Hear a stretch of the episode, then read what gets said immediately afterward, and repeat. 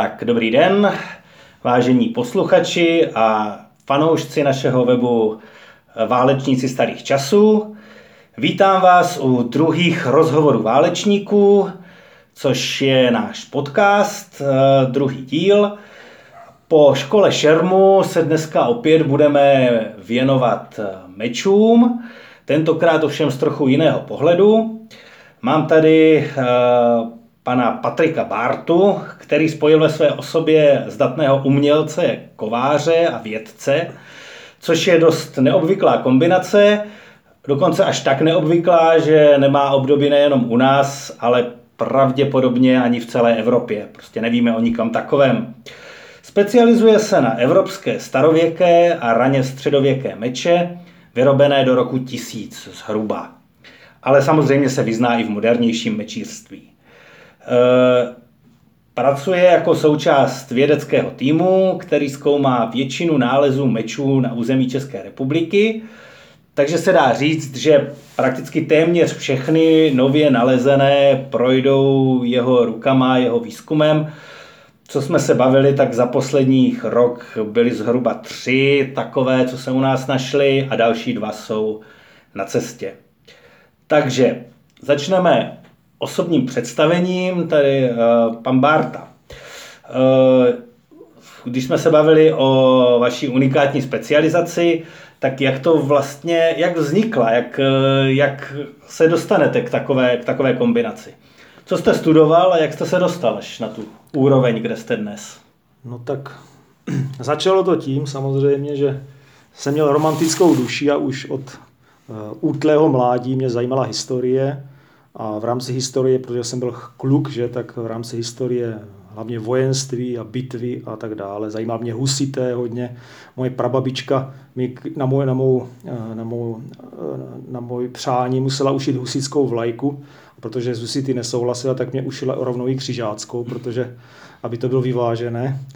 No a už někdy... Byla jako katolička, takže... Jo, jo, jo, prostě ano, jako... ano. Ona říkala, že Hus byl kacíř a Žižka loupeživý rytíř. To byl no. její, její pohled na, na věc, evidentně ne, nepoznamenaný palackým a podobně. Mm-hmm. No a v, v, sedna, v, době, v době, když jsem byl teenager, no tak eh, jsem začal taky šermovat, věnoval jsem se bojovým sportům, a to teda azijském především, ale taky mě zajímala ta Evropa. No a narazil jsem samozřejmě na problém, jako všichni v těch 80. letech, eh, kteří se takovýmhle věcem věnovali, že kdo, kdo chtěl meč, tak kde ho vzít, že? protože prostě normálním způsobem se nedá nikde získat, tak se to různě pokoudně vyrábělo po fabrikách. No a já jsem teda si to taky zkusil, už někdy asi v 15 nebo v 16 letech jsem si udělal první meč z pružiny z nějakého auta. No a zjistil jsem, že mě baví teda i to řemeslo. Vždycky jsem měl takové sklony jako i Eh, k uměleckému řemeslu. Četl jsem knihy o malířích už jako dítě a tak dále, takže mě, tohle, tohle téma mě zajímalo a přičich, přičichl jsem ke kovařině a tam mě prostě uchvátila. No a tak samozřejmě byly potřeba meče, nejenom pro mě, ale i pro kamarády, kteří s námi cvičili, no tak jsem je spolu s mým dalším kolegem Pavlem Řiáčkem začal vyrábět, což bylo teda někdy v druhé polovině 80. let zhruba. Když nám bylo 16, tak jsme si vykovali první překládaný, překládaný japonskou díku tanto, taková prostě ještě jsme pořádně nevěděli, jak to má vypadat, ale už jsme chtěli vyzkoušet ty nej, nejsložitější technologie. Ku podivu se to poměrně povedlo na to, že jsme byli... To byly materiály, to se dalo někde jako nastudovat tehdy, jak to, jak to vykovat, nebo to jste si jako nějak... Nějak jsme to vyzkoušeli, nějaký samozřejmě informace byly, ale informací bylo obecně strašně málo a zvlášť v češtině žádný z nás neuměl dobře nějaký jazyk, takže byl s tím, s tím byl trochu problém. Ale... trochu metoda pokus omyl. Jako. No samozřejmě, to, mm. to je, tahle metoda tu používám dodnes, protože o většině věcí se vlastně nic neví, takže musí se to vyzkoušet a pak se teprve ukáže, jestli nějaká teorie je, někam vede nebo nevede. No a potom teda eh, postupně samozřejmě se rozšiřovala ta síť těch lidí, kteří o, o meče prostě byl zájem, protože bylo jich málo, kvalitních ještě míň. Spousta mečů byla otřesně řemeslně udělaná v tehdejších šermířů. No a tak už v roce, ještě za komunistů v roce 89 jsem měl první zakázku, eh, bych to tak nazval, to znamená meč za nějakou finanční symbolickou úplatu. no a potom po revoluci jsme se s tím s tím mým kamarádem rozhodli, že se s tím zkusíme živit, protože bylo vidět, že o to zájem je. Dělali jsme ze začátku teda hlavně meče japonské, o které byl zájem největší ale postupně i evropské, tak jak prostě přicházeli ti zákazníci. No a pak s tím... To bylo tak jako okouzlení tím Japonskem, trošku jako, že tou orientální kulturou a tak, ano. nebo to spíš jako kvůli té poptávce? Obojí, bylo to jo. obojí, jednak, jednak, to, jednak ta orientální kultura, samozřejmě tehdy to bylo velmi in, že vycházely takové ty knížky po revoluci těsně, křížovka života od doktora Jonáše a tak, kde se prostě tady s tou východní filozofií a přístupem k životu prostě hodně, mhm. hodně koketovalo a tak bylo to, to bylo v rámci tehdejší doby, eh, jako řekl bych, běžné. Nicméně já jsem potom postupně čím dál víc se věnoval jako historii evropské, která mě teda zajímala už jako dítě, když to ten můj kolega zůstal u toho Japonska vlastně dodnes. Jo. Já jsem to Japonsko opustil, protože jsem dospěl k závěru, že že jako Čech nemá smysl, abych vyráběl napodobeniny japonských mečů, když v Japonsku je mečířů dost. Jasně. a bude to vždycky jenom napodobenina, že když to tady ta evropská historie taky, řekl bych, mnohem z hlediska mého jako řemesl, řemesl, řemeslníka, je mnohem, eh, je tam širší pole působnosti. U, japonský, u japonského meče je všechno striktně dané, jak to musí vypadat a vlastně vaším cílem je to co nejvíc napodobit. Jo? Nebo to udělat pokud možno stejně, jak se, jak se to dělat má. Když to tady v těch, u těch historických zbraní samozřejmě většinu věcí, nebo skoro nic o tom nevíme, máme nějaké artefakty, které jsou více či méně zachovalé, a zbytek je vlastně na nějaké citu a rekonstru, po, po, pokusu, pokusy o rekonstrukci jak to tehdy vypadalo, jak se to tehdy dělalo, jak se to tehdy používalo. Čili je tam taková, je tam víc dobrodružství poznání, mm-hmm. řekl bych. Jasně. A takže jste pak uh, vystudoval vlastně nějakou uměleckou průmyslovku, že jste jako šel, abyste se, abyste podpořil tady nějaký znalosti v tomhle já, já jsem směru? Já úplně původně jsem studoval gymnázium ještě za komunistů, tehdy jako mm-hmm. samozřejmě nebylo, nebyla žádná jako vize, že bych se tím mohl živit nebo něco takového, ale potom, když vyšla revoluce, to už jsem měl jakoby po maturitě, tak jsem váhal více mi něco dál. No a když jsem potom se tím začal živit, tak jsem si řekl, bylo by lepší, dobrý k tomu i něco vystudovat, tak jsem pak dělal střední školu uměleckých řemesel, konkrétně umělecké kovářství. Mm-hmm. Že tomu, to jsem dělal, jelikož jsem už měl maturitu, tak jsem měl nějakou tu zkrácenou formu, dneska by se to řekla voška. Jo. Tehdy, tehdy, se to tak nemenovalo, ale v podstatě eh, měli jsme jenom odborné předměty a byla to taková zkrácenější forma střední školy, která by dneska skončila nějakým titulem DIS a tehdy to nebylo, ale měl jsem prostě takzvané pomaturitní studium. No, takže jsem vystudoval toto. Tam jsem samozřejmě se věnoval i, mě řemeslo zajímá obecně, čili jeli jsme tam jaké mříže a kde co všechno. Eh, pokoušeli jsme se o nějaké plastiky, kované růže a takové ty klasické mm. věci, ale... Jasně, to, to, čím se živí dneska kováři, ano, ano, umělečtí, ano. co prodávají na, na trzích a přesně tak tak, přesně mm. tak, ale samozřejmě mě, ty zbraně mě neustále zajímaly, takže eh, tu školu jsem využil k tomu, jelikož jsem poměrně už dobře, dobře uměl kovat na rozdíl od svých spolužáků, už jsem měl docela slušnou praxi, tak jsem eh, měl vel, velmo, velkou volnost tam a využil jsem to k tomu, že jsem experimentoval, experimentoval právě eh, s výrobou čepelí a to konkrétně nožů, protože samozřejmě meč je veliký a je s tím problém, je s tím moc práce, ale na, na čepelí nějaké díky se to dá v malém vyzkoušet, takže jsem vyzkoušel různé druhy damasků a různé druhy eh, konstrukcí, navařování ostří, jak, jak to zakalit a jak to vyleptat. Takže to už tehdy na začátku jste dělal damaskování. Jo, to, se, to, to bylo o tom, samozřejmě to byla taková legendární technika, tak to mě zajímalo, tak získal jsem nějakou literaturu k tomu, v angličtině většinou, tak jsem to nějak jako nastudoval a vyzkoušel jsem to prakticky, že to nějak teda funguje. Tomu se ještě no, určitě dostaneme, no, to bude jedno z, jako z hlavních témat našeho podcastu. Takže takhle vlastně jste se stal tím kovářem a uh, potom teda nějakým způsobem jste se musel dostat nebo dostal k archeologii a k nálezům právě těch uh, opravdových starých kousků, které byly zachované, řekněme, ne, ne úplně jenom ve fragmentech a tak. A mm, to není tak úplně jednoduché. To, když si jako člověk takhle řekne dneska tak a teďka získám nějaký tady starý meč a zkusím ho, eh, nebo člověk i jako kovář zdatný a zkusím udělat kopii, to asi není tak snadný. Tam taky musela být nějaká cesta. Takže jenom eh, jste se pak stal teda součást nějakého toho vědeckého týmu, tak jestli to jste jako musel dostudovat archeologii k tomu, nebo... No, bylo to, bylo to asi tak, že jsem postupně samozřejmě zjistil, že jako každý řemeslník, že eh, liter, eh, co je psáno, to je sice dáno, ale z hlediska řemesla v literatuře jsou obrovské nesmysly napsané, protože to mhm. psali lidé, kteří řemeslníci sami nebyli a buď to měli z doslechu, anebo v horším případě vůbec ani netušili, o čem to řemeslo je. Takže Jasně.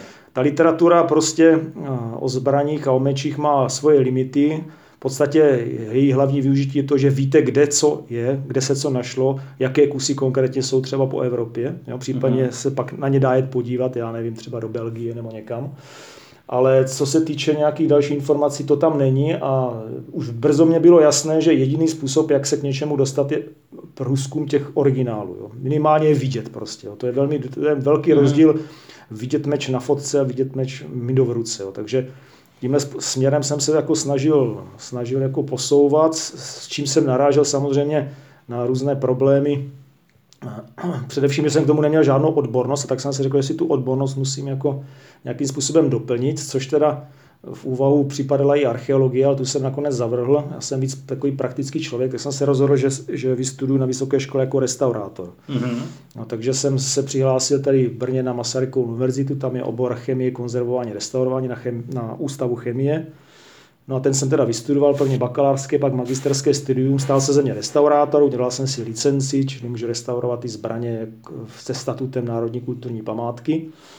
No a tímhle způsobem jsem se dostal vůbec jako teda řekněme, vědeckému pohledu na svět, protože vysoká škola vás nutí studovat literaturu, učí vás určitý způsob myšlení, který, které, které, které, te, které, který té vědě je vlastní. Mm-hmm. No a, a kriticky, umyslet, kriticky myslet. No, mm-hmm. A dneska vš, samozřejmě od začátku bylo jasné, že všechno je o multidisciplinaritě. Jo, to Jasně. bez toho, že se spojí eh, mozky eh, lidí, kteří rozumí různým věcem, se dneska nedá nic vyskoumat. No a v průběhu tady toho všeho byl jsem v kontaktu samozřejmě s archeology, především naším předním znalcem mečů z vrcholného středověku Petrem Žákovským, který je taky z Brna. Mm-hmm. No a tak uh, už, te, v, už této fázi, když jsem před tím studiem a během toho studia jsem teda s nima publikoval nějaké články, protože oni samozřejmě tehdy tvořil už vlastně takový malý tým s, Jirkou Hoškem, z archeologického ústavu v Praze, který je archeometalurg mm-hmm. a, a když teda se zkoumala nějaká zbraň, třeba meč, tak potřebovali i nějaký, řekněme, posudek nebo pohled uh, umělecko-řemeslný a to jsem tam dělal já, takže tímhle, mm-hmm. tímhle způsobem se postupně genezí nějak stalo, že jsme že jsme vytvořili taky jakýsi tým v rámci celé republiky, čili my dva z Brna, on teda z Prahy, ještě nám pomáhal Jiří Košta z Národního muzea eh, ohledně raně středověkých mečů. No a před šesti lety eh, Jiří Hošek dostal grant eh, od Gačeru na průzkum českých mečů a díky tomu se teda rozjela opravdu velký, velká akce, že se vlastně proskoumali a udělal soupis všech mečů v České republice kterých je dohromady asi 500, je to teda jenom do poloviny 16. století, čili spíš všech mm-hmm. starších.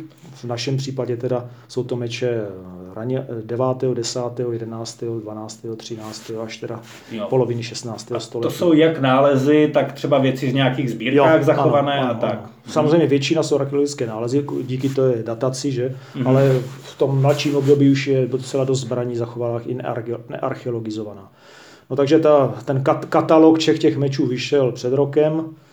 To byl vlastně, byla to velká práce, protože u každého meče se dělala, se dělala perokresba jedna ku jedné, jo. 500 perokresb, bylo to prostě hrozně práce s tím. Katalog je normálně dostupný, dá se, dá se koupit Katalog někde se na teď internetu. Dá se koupit, je to dost drahé, je to v angličtině teda, jo. To, bylo, to mhm. byla jedna z věcí, aby to mělo nějaký mezinárodní dosah, přece jen ten český Tady v podstatě Jasně. je třeba říct, že těm zbraním se kromě tady nás tří nebo čtyř nikdo i nevěnuje u nás. Jo. Jo. Hmm. Takže my bychom tu knihu nemuseli psat pro sebe sami, tak proto je to v angličtině, aby to mělo nějaký jako dosah celoevropský. No a uh, potom teďka teda vychází, brzy vyjde druhý díl, který hmm. teďka se dokončuje, dává se do sazby. A ten teda bude, tam bude interpretace toho, co to teda vlastně znamená, co ten vzorek českých mečů vlastně nám vypovídá o mečíství v raném, v raném a vrcholném středověku a taky o českých zemích a jejich mm-hmm. postavení třeba v Evropě, což už teda tahle otázka tam tolik řešená není, protože je třeba říct, že eh, v žádném jiném státě v Evropě takovýhle soupis a globální pohled na ty meče není. Jo. Takže mm-hmm. jsme první, takže, eh, takže zatím není moc s čím srovnávat. Tak to, to rozhodně je skvělé slyšet, že jsme tady jako průkup, průkopníci ano, v České republice, tak, no. aspoň, aspoň v něčem, eh, když ve spoustě věcech jsme tak různě pozadu. Eh, každopádně tím vlastně jsme se teda dostali k vaší práci, zdůvodnili jsme, proč teda vlastně všechny meče, které se u nás nalezly, prošly vašima rukama.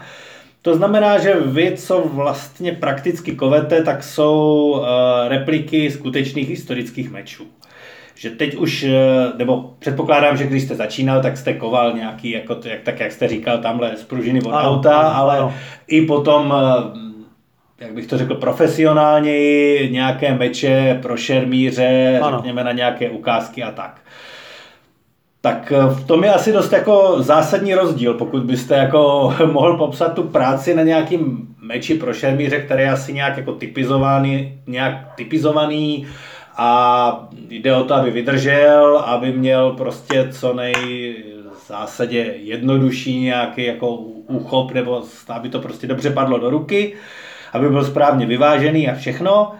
E, a oproti té replice těch, toho historického kousku, tak e, dá se ten rozdíl nějak jako v tom popsat, jak, jak jste k tomu došel, nebo co, jak, jak to tak jako vnímáte? Už asi neděláte ty, ty repliky těch, teda repliky děláte, ale neděláte ty pro ty šermíře. No pro šermíře nedělám už dlouho teda, mm-hmm. ale jako rozdíl, rozdíl hlavně samozřejmě v tom, že že šermíři jako zákazníci mají prostě specifické požadavky, na které eh, jako výrobce musí brát samozřejmě ohled, jo, pokud to jim to chce prodat. Mm-hmm. No a tak eh, hlavní rozdíl je v tom, že teda ty, eh, ty novodové repliky na šerm jsou vyrobené z moderních ocelí, čili z jiných materiálů, než, než se to vyrábělo tehdy. To je jeden rozdíl. Jasně. To znamená, vlastně cílem je Cílem je do jisté míry eh, napodobení vzhledu, mm-hmm. ale nikoliv, eh, nikoliv jako materiálu a řekl bych ducha té zbraně. Jo. Mm-hmm.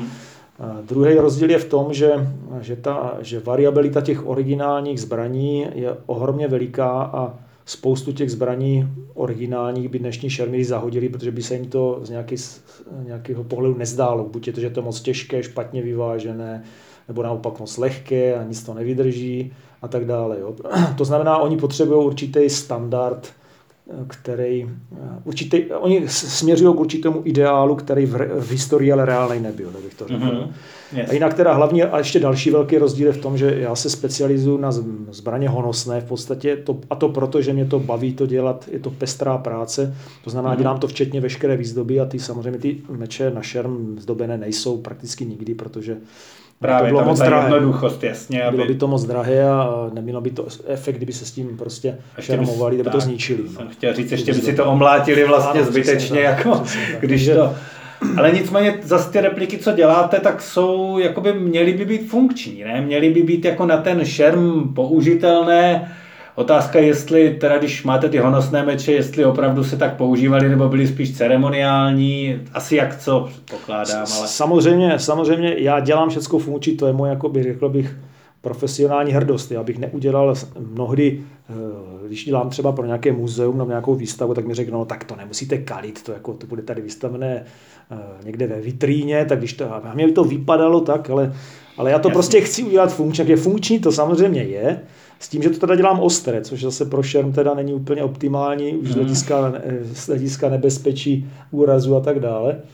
Takže jo, je to, je to funkční, je to tak, jak já si myslím, na základě svých zkušeností a to, co, co, co o tom vím, že ty zbraně vypadaly, když prostě se používaly. Jo. A teď teda mluvíme hlavně o těch archeologizovaných, samozřejmě o těch mladších máme přímo kusy, které že jo, jsou zachovalé v podstatě v perfektním stavu nearcheologizované. Tak jestli můžeme i právě když už mluvíte o nějakých těch kusech, eh, samozřejmě není možný nebo není možné probrat eh, všechny kusy, co jste dělal.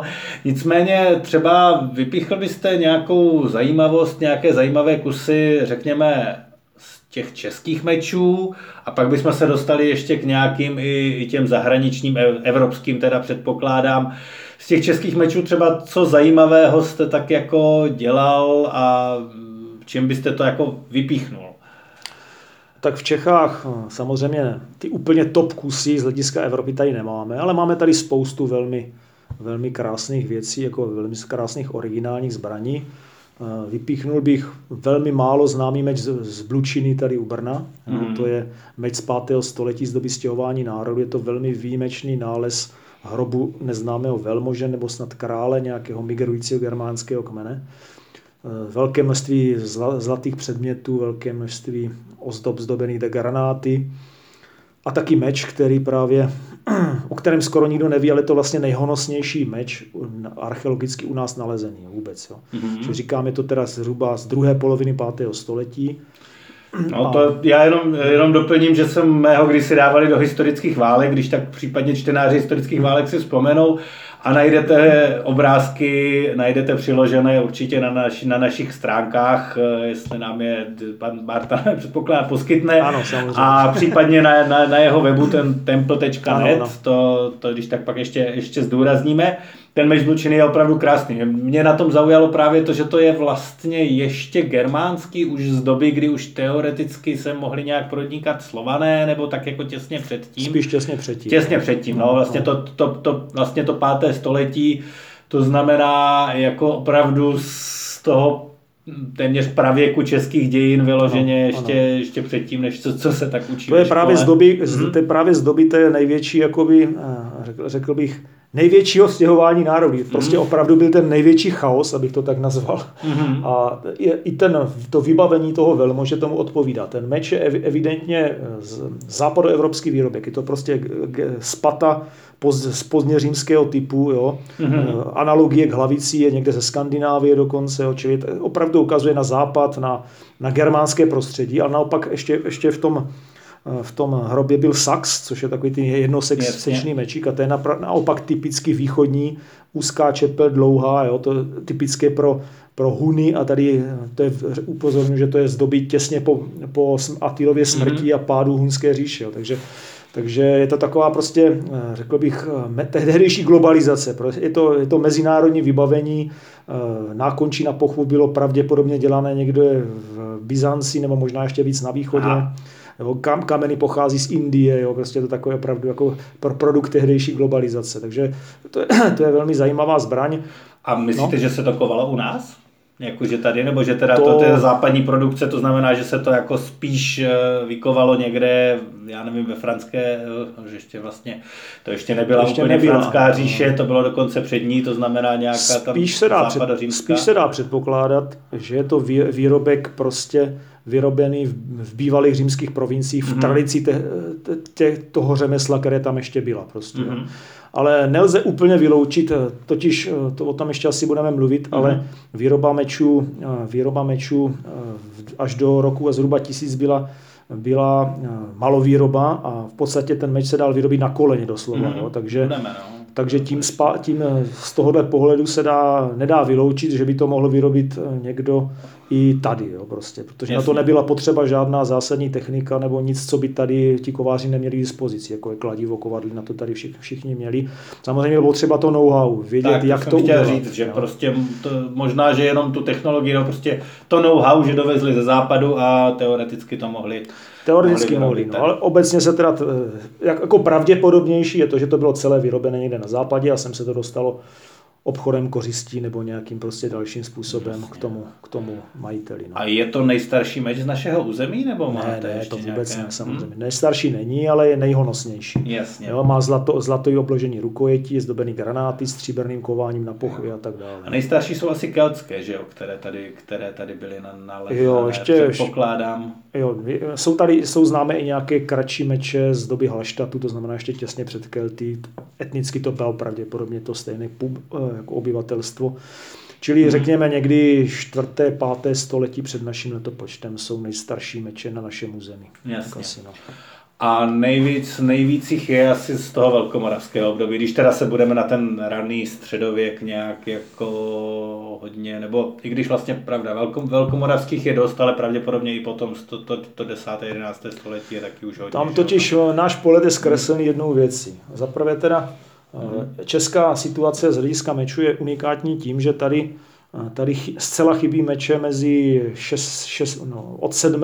do 9. století. Tady žádné meče mm. nejsou z tohoto období, což pravděpodobně souvisí s tím, že tady ti Slované, kteří tady tehdy byli, ty meče prostě nepoužívali. Navíc ta společnost pravděpodobně nebyla natolik diferencovaná a nebyly tam, nebyly tam tak bohaté elity, aby si ten meč vůbec mohli dovolit, protože ten meč v raném středku byl velmi drahá záležitost. Jo. Z toho, no, no, no. z toho důvodu se ty meče objevují v tom 9. století, jak jste říkal, ale máme to zkresleno tím, že my jich známe tolik právě proto, že byly dávány do hrobu. A to je mm. obrovský rozdíl, když to v 10. a v 11. století do hroby už dávány nebyly a my máme tím pádem těch zbraní z té doby násobně míň, mm. ale to určitě neby, není proto, že by, že by tady těch mečů prostě bylo obecně míň. To je jenom mm. tím, že se nám jich prostě tolik nezachovalo. Že nejsou, že nejsou v těch hrobech. No, jsou to náhodné ztráty všecko prakticky, těch, kterých je mnohem méně, než když to dali do těch hrobů.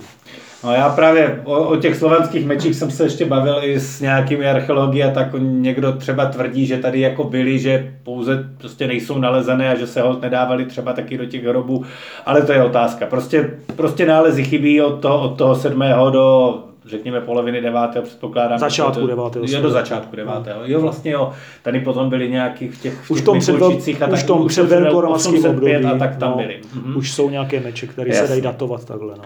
Dobře, a to zahraničí teda, tam asi jich je samozřejmě daleko víc, takže to nějak asi se nedá úplně zhrnout. Eh, vy jste mluvil o nějakých, eh, pokud vím, honosných kouskách vikingských nějakých těch, nebo případně anglických, jakože to, to co bylo vlastně, i vikingské z Anglie, ne, jestli se nepletu, co jste No, anglosasové přišli z Dánska, takže v zásadě i je můžeme, ne, ne, ne, nenazval bych je vikingy, protože jo. vikingy se, vikingská doba se dneska jako, aspoň teda populárně řečeno, Eh, začíná rokem 800 až, to, až tím velkým, hmm. velkým jakoby expanzí těch, těch vlastně bojovníků ze Skandinávie, ale eh, rozhodně eh, velmi, ta Skandinávie je velmi zajímavá, vůbec ten sever, z toho důvodu, že právě tam tady ten zvyk dávat zbraně do hrobu se udržel velmi dlouho a našla se tam spousta honusných hrobů, které nebyly vykradeny. To je taky jako velká, velká rarita. Mm-hmm. Tady spousta těch hrobů byla vykradena, dokonce tady třeba v 6. století, tady seděli Langobardi, No a ty jejich hroby byly vykrádány ještě, když ty mrtvoly nebyly zetlelé, těsně po pohřbu. Jo. A to samozřejmě hlavně kvůli drahým kovům, jako o meče, oni tam zase, no jich tam nebylo tolik a o, to, o, o, o ty za stolik nešlo. Nicméně tím chci ilustrovat, že prostě ty hroby byly vykradené, ještě na té Skandinávii ne, a tam teda máme ty slavné nálezy z pohřebiště ve Valsgerde třeba, to je prostě takové pohřebiště no, řekl bych švédských králů, když král je špatné slovo, švéd, mm. švédských Jarlu, ne, nebo, no, nebo nobilit prostě, nobilit, no. no. kde se pohřbívali tady ti vysoce, vysoce postavení jedinci po dobu skoro tisíce let a tam jsou prostě úžasné nálezy v lodích a, hmm. a s tím tam jsou ty nej, nejhonosnější archeologizované meče vůbec. Co je to z Valsgerde, mluvila jste Británii, tak tam je podobná ta mohyla v Satenhu, hmm. která je vlastně ve stejném duchu, to je úplně vidět, jak, jak, jak prostě ty ger, severské zvyky tam prostě fungovaly v té Británii. Mm-hmm. Takže díky tomu my máme prostě úplně ty, známe i ty nejluxusnější zbraně některé samozřejmě z té doby eh, toho raného středověku a stěhování národů předtím. Jo. Právě ten meč z Valsgarde, vy jste říkal, že myslím, že to byl meč, mu jste věnoval nejvíc času. No, no. Jeden z těch z Valsgarde, jak, se to přesně označuje tady ten meč? Uh... Hrob 5, no je to prostě Mohyla 5. No. Jo, Mohyla 5 a, a to byl nějak nejvíc zdobený meč, co, co, jste, co jste nějak koval v podstatě, no, a i, i jste ho zdobil. A já vím, že jste, kolik, kolik hodin jste na tom strávil, na tom jednom meči, takhle, aby, aby jako čtenáři, posluchači měli představu, eh, kolik se ta takovým jako opravdu honosné meči stráví času. No, tak ten meč z Valsgarde 5 patří k těm úplně nejhonosnějším zbraním prostě nalezeným v Evropě vůbec. Asi, mm-hmm. Patří asi mezi, mezi těch top 5 z celé Evropy. Mm-hmm. No a ten mě zabral 1200 hodin, z čehož největší část teda byla 1200 hodin práce. Z toho byla největší část zdobení samozřejmě. Ten meče má celou ruku je zdobenou hrubořezem, hlubokým rytím a osazením granáty, kterých je tam ale 250 nebo je, 230 nebo takové nějaké hrozné číslo. Takže s tím bylo hodně práce. No, ale to je, ano, to je jeden z těch nejhonosnějších a přičemž teda velká část těch nejhonosnějších je právě ze Skandinávie, hlavně ze Švédska, jo, z Vendelu, z Vasgerdes, což je nedaleko Upsali, to bylo takové to, ne, řekl bych, hlavní město, město, Jasně. není to ten správný výraz, hlavní sídliště. Tak jo, tak ještě jednou teda připomenu, že vlastně všechny, nebo minimálně většinu těch replik, co jste dělal, takže si můžou posluchači najít na tom vašem webu temple.net. A teď teda pojďme k té samotné výrobě. Mě právě zaujalo, že vlastně zkoumáte a kovete především ty meče vyrobené před rokem 1000, to znamená ve starověku, v době stěhování národů, za raného středověku. A pak vlastně, když jsme se posledně bavili, tak jsem se dozvěděl, že v té době došlo k nějaké technologické změně kolem toho roku 1000 v technologické změně ve výrobě mečů. Ale překvapivě, což mě překvapilo, je, že ta změna nevedla k větší kvalitě, že by, že by se vyráběly lepší a lepší meče, což bych tak nějak očekával, ale naopak k větší kvantitě, protože jich bylo potřeba víc. Můžete popsat nějak ten, ten rozdíl, proč zrovna v tom raném středověku a starověku a v době stěhování národů, proč jsou pro vás ty meče o tolik zajímavější a lepší a kvalitnější, řekněme, když, když bychom to takhle globalizovali, zhrnuli? No kvalitnější, to, to slovo kvalita má mnoho rovin a to bych tady tak ne... V mhm. každém období se vyráběly meče kvalitně, meče méně kvalitní. To je Jasně. asi logické, že? Mm-hmm.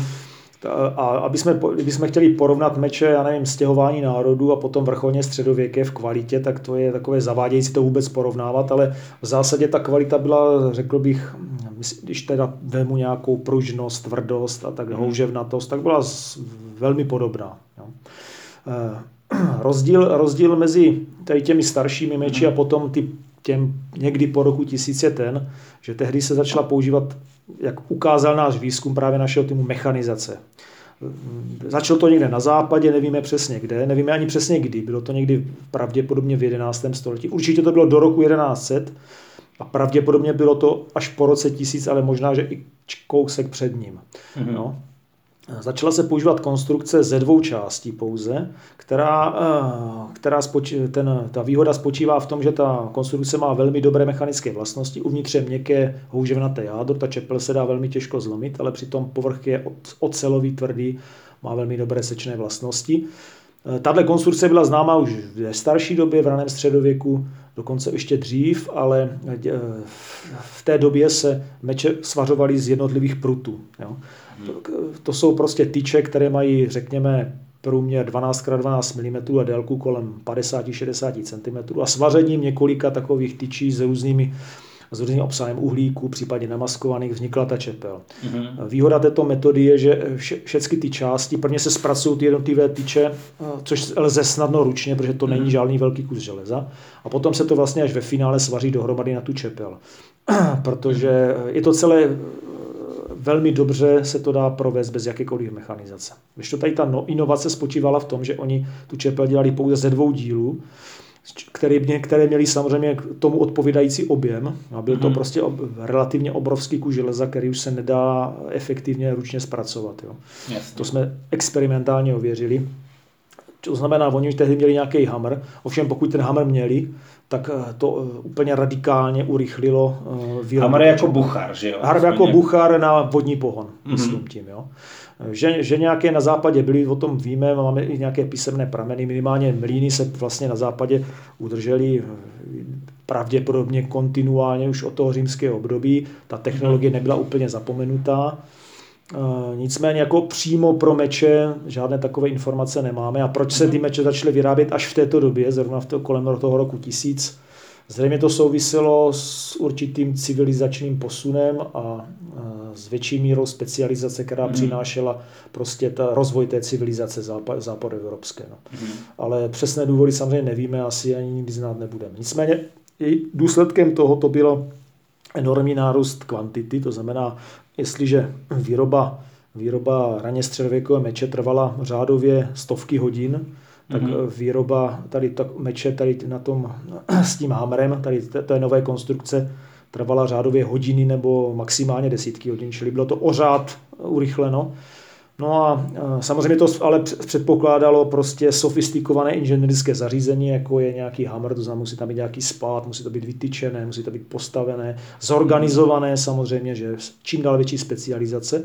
Nicméně výsledkem jsou kvalitní čepele za podstatně nižší cenu a podstatně rychleji vyrobené. Mm-hmm. No, a tenhle trend pokračoval pak celý středověk a vedl k tomu, že zatímco v raném středověku víme, že, že cena, cena prostě mečů byla obrovská, Máme třeba soupis, soupis pozůstalosti po jednom hraběti z franské říše, eh, řekněme jeho závěť, který, který odkázal jakýsi poklad, bychom mohli říct, kde velkou část tvoří drahé kovy a různé výrobky z nich, ale taky meče a brnění. A to prostě bylo natolik cené, že to bylo považováno za, skoro bych řekl, rovno těm drahým kovům. A toto se otočilo právě a ve vrcholném středověku už potom meč stál e, týdenní mzdu nádeníka. To si mohl koupit opravdu každý. No, takže tam vlastně pak přišla ta, ta hromadná výroba, to, co my potom známe z pozdější průmyslové revoluce a tak dál, tak de facto ten efekt byl podobný, že ve chvíli, kdy se to vyrábí takhle na kvantitu a sériově a nikoliv ručně, tak je to výrazně levnější, čemuž rozumím.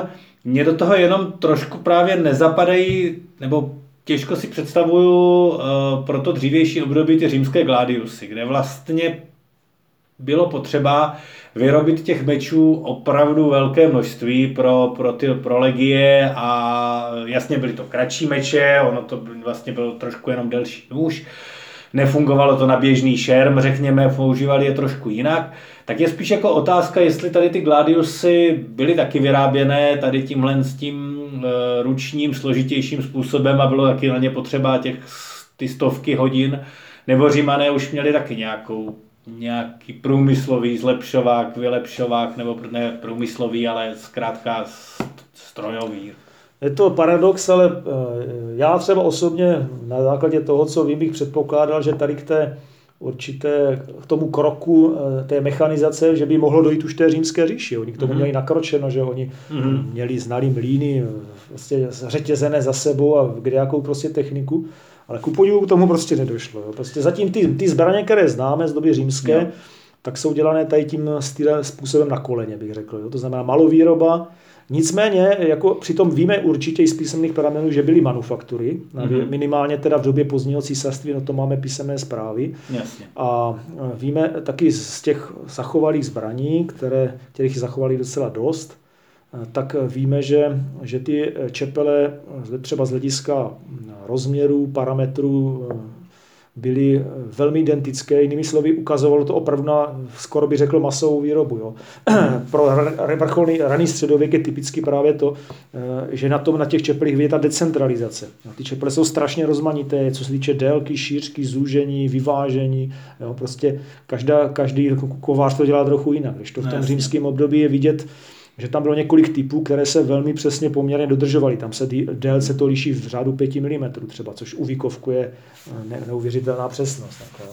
Nicméně přesto je to dělané tady tím složitým způsobem z těch prutů a tady k tomu, k tomu kroku, který mu došlo v tom, prostě tehdy nedošlo. Nevíme, proč to tak je.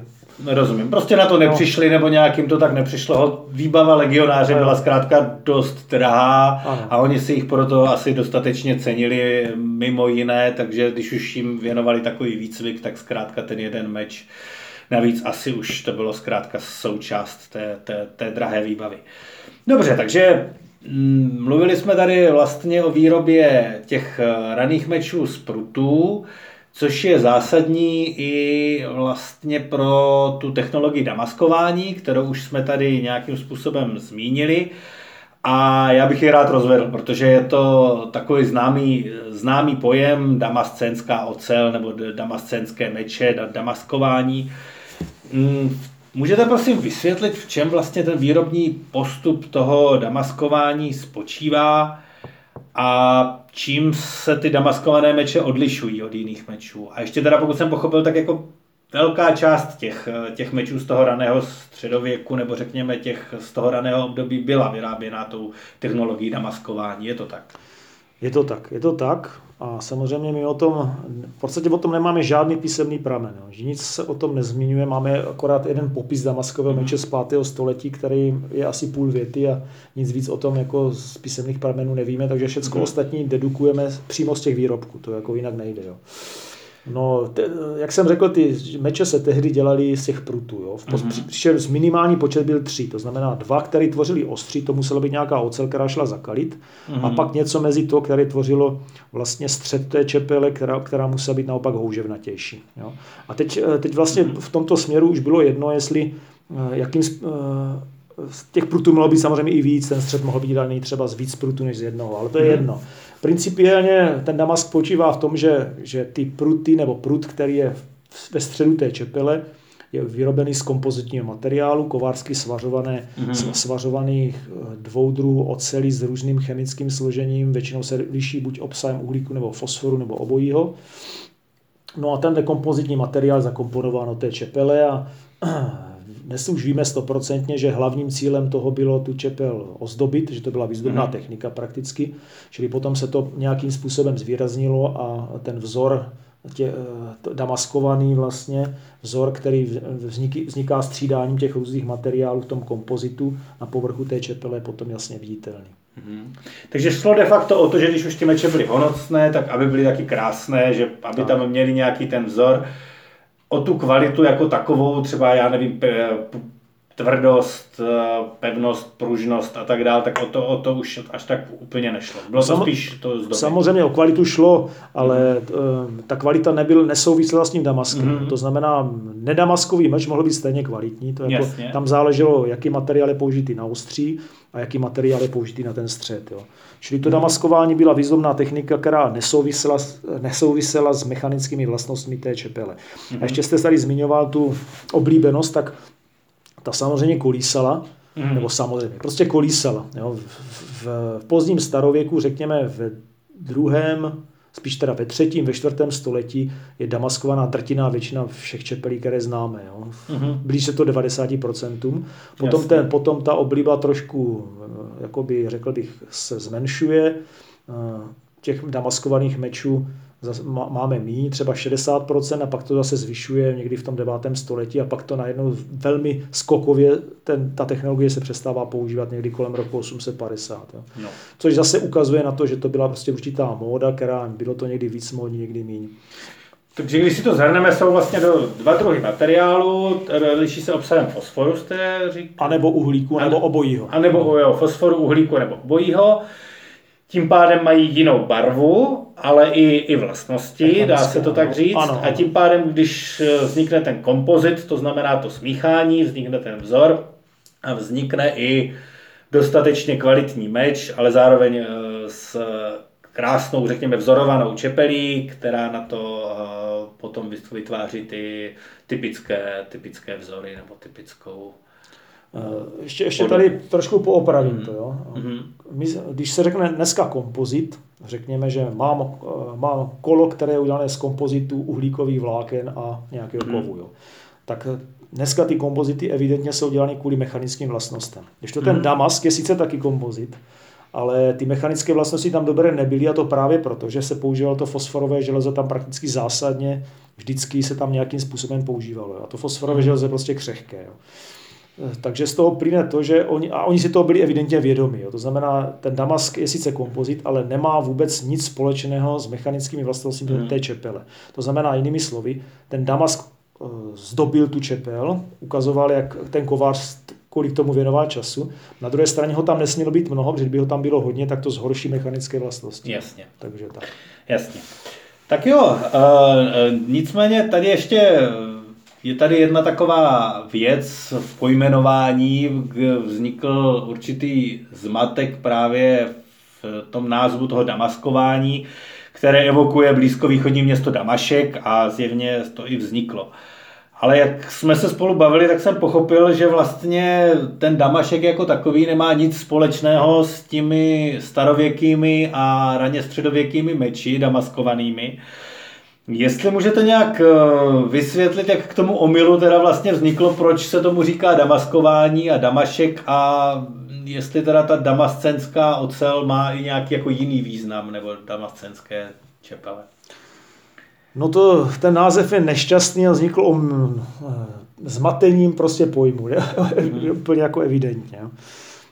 Totiž uh, když začnu úplně ze široka. Mm-hmm. V renesanci se, obje, se, objevila, se objevilo slovo damaskování, někdy v 16. století, které, které znamenalo, eh, nebo význam toho slova bylo eh, zdobení nějakým vzorem. Mm-hmm. Ať už jakýmkoliv způsobem. Jo. Mimo jiné se taky používalo pro to, čemu dneska říkáme tauzie, to znamená vklepávání nějakých drátků, třeba zlata, stříbra do povrchu železa. Mm-hmm mu říkali damaskování a souviselo to s městem Damašek opravdu, protože tam se dělali taky mimo jiné tkaniny damaškové, které mm. jsou hmm. taky pestro. Prostě znamenalo to v podstatě jenom vzor, nic víc. Jako, no. Potom Evropané poznali eh, orientální damascenskou ocel, což je, což je vysokouhlíková ocel vyráběná v Indii, kde se jí říká woods, a ze které byly dělány šavle hm, pozdního středověku, nebo spíš jako novou, raného novověku jo, a později. A to je, Indie se vozila, vozila do Damasku a tam, se, a tam se do Damašku, tak, do, tak, jako do toho tak. města Damašku a tam se, tam se vyráběly ty čepele, které vlastně Ještě spíš jako bych řekl, že přes Damašek se to exportovalo. Možná část těch čepelí se vyráběla už v té Indii, nicméně Damašek byl obchodní centrum. Od tady se bavíme o nějakém 13. 14. století. Spíš po, později. Dokonce ještě po křížových výpravách. Ano, úplně, po křížových, to znamená ano. spíš 14. 14. 15. 15. 16. a tak dále. Mm-hmm. Turecké šavle, arabské šavle a tak dále. No a ty, tyhle, tyhle damas, damaskované nebo damascenské čepele byly známé i v Evropě a když potom vznikala věda někdy na konci 18. začátku 19. století, tak to byl známé jako pojem. Prostě jsou to čepelem s dobrými mechanickými vlastnostmi, který mají na povrchu určitý vzor. Ten, mm-hmm. Tím vzorem to bylo makroskopicky jasně odlišitelný od obyčejných zbraní. No a když potom v počátcích archeologie byly, byly známé ty první meče vykopané římské a hraně středověké, tak mm. vlivem koroze tam býval vidět nějaký, někdy mohl být vidět nějaký vzor. Jo. Mm. A tak tehdy si řekli, no tak ten vzor je i vizuálně podobný tomu, co vidíme na těch šavlích, no tak to bude ta damascenská ocela, zřejmě teda se dovážela tehdy do Evropy a tady z ní ty evropští mečiři vyráběli teda ty zbraně. Že si mysleli, že už to vlastně takhle tehdy fungovalo už v tom raném středověku. Ano, a, přesně a tak. tak. A hlavně v době římské, protože ty první, první velký, velký nálezy v Nidamu a v, v, v Nidamu a uh, Ilerupu a tak dále, to jsou velké bažiny tam na severu, že, mm-hmm. Schleswig-Holstein a Dánsko, kde byly už právě v druhé polovině 19. století. Tam těch mečů je hodně a jsou právě krásně tam vidět ty vzory a tak dále. No. Nicméně samozřejmě taky existovala už tehdy věda metalografie, která se věnovala vnitřní struktuře kovů a díky, mm. díky ní teda jsme, bylo během poměrně krátké doby, asi řádu desítek let zjištěno, že teda te, ty evropské damasky, byť vypadají podobně, jsou technologicky zcela něco jiného než ty orientální. Že to je mm. úplně, ale úplně jiná technologie.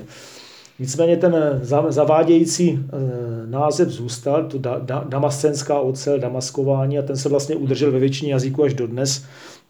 Jedině angličtina s ním udělala radikální řez a když to teda definitivně na, pojmenoval až v 60. letech 20. století eh, restaurátor eh, britského muzea Herbert Marion, mm-hmm. tak ten teda navrhl, aby se těm těm, té, té variantě Damasku evropské mm-hmm. říkalo pattern welding, což znamená jakoby svařování do vzoru nebo ozdobné svařování, by se to dalo volně přeložit.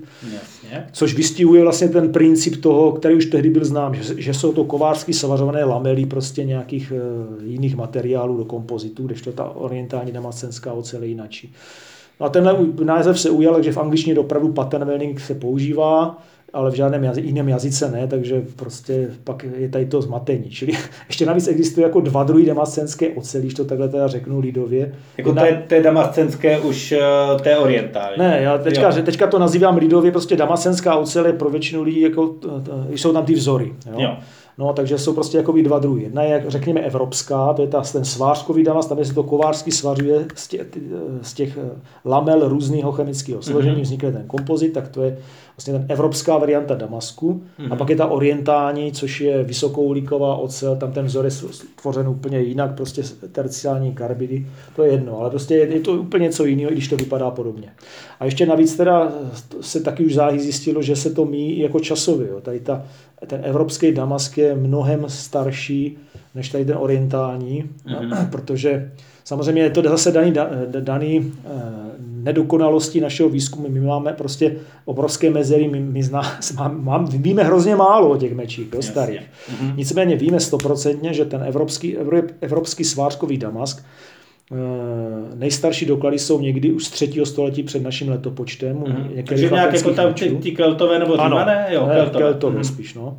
A potom ten největší rozkvět je od 2. do 9. století našeho mm-hmm. letopočtu. Ještě ten orientální Damask jako fyzický je, příklady tohoto, těchto, těchto těch předmětů máme až od, od zhruba 13. nebo 14. století až do novověku. Jo? Čili to se úplně časově míní. Jsou nějaké historické zprávy, které naznačují, že se, ten, že se ten orientální Damask vyráběl už dřív, už snad někdy v pozdním starověku ale nemáme to podložený těma fyzickýma prostě před, jako předmětama. Jo. Takže mm. respektive možná ty předměty máme, ale nemáme to zjištěné, že to tam je, protože ten předmět se musí poměrně složitě zkoumat a samozřejmě eh, množství mečů, které jsou takhle důkladně proskomané, je velmi malé. Jo. To znamená, je to starým stavem výzkumu a do budoucna se to teda, tady ten názor může měnit. Takže kdybychom to chtěli terminologicky odlišit, tak pro ten starověký, raně středověký řekneme svářkový damas. Tak, tak. A pro ten orientální, to je vlastně orientální Damascenská ocel. Damascenská ocel no. z té tyglíkové ano, ano, ano, oceli z té, z té Indie. Ten termín svářkový damas zavedl náš archeolog eh, Radomír Pleiner, to byl průkopník vlastně tady té archeometalurgie u nás úžasný vědec, který už v 50. letech vydal první knížku Staré evropské kovářství a potom teda byl činný až do svých 90 let snad opravdu světově proslulý a uznávaný vědec, který se věnoval eh, metal, archeometalurgii a vlastně, vlastně byl částečně metalurg a částečně archeolog, čili on tomu mm-hmm. rozuměl ze všech stran. Tak skvěle, já myslím, že eh, čas jsme tak jako akorát naplnili a trošku přetekli, ale eh, každopádně jsem rád, že se mohli naši posluchači dozvědět spousty zajímavých informací, které třeba mnohé, mnozí z nich eh, doteď neznali. A já doufám, mám tady připravené ještě nějaké další otázky, k těmu se dneska teda nedostaneme. Třeba někdy můžeme natočit nějaký druhý díl, uvidíme, jak, jak se bude vyvíjet náš podcast a naše rozhovory. Takže děkuji Patriku Bartovi a tímto se loučím i s vámi, milí posluchači, a doufám, že se zase brzy potkáme u nějakého dalšího dílu. Mějte se hezky.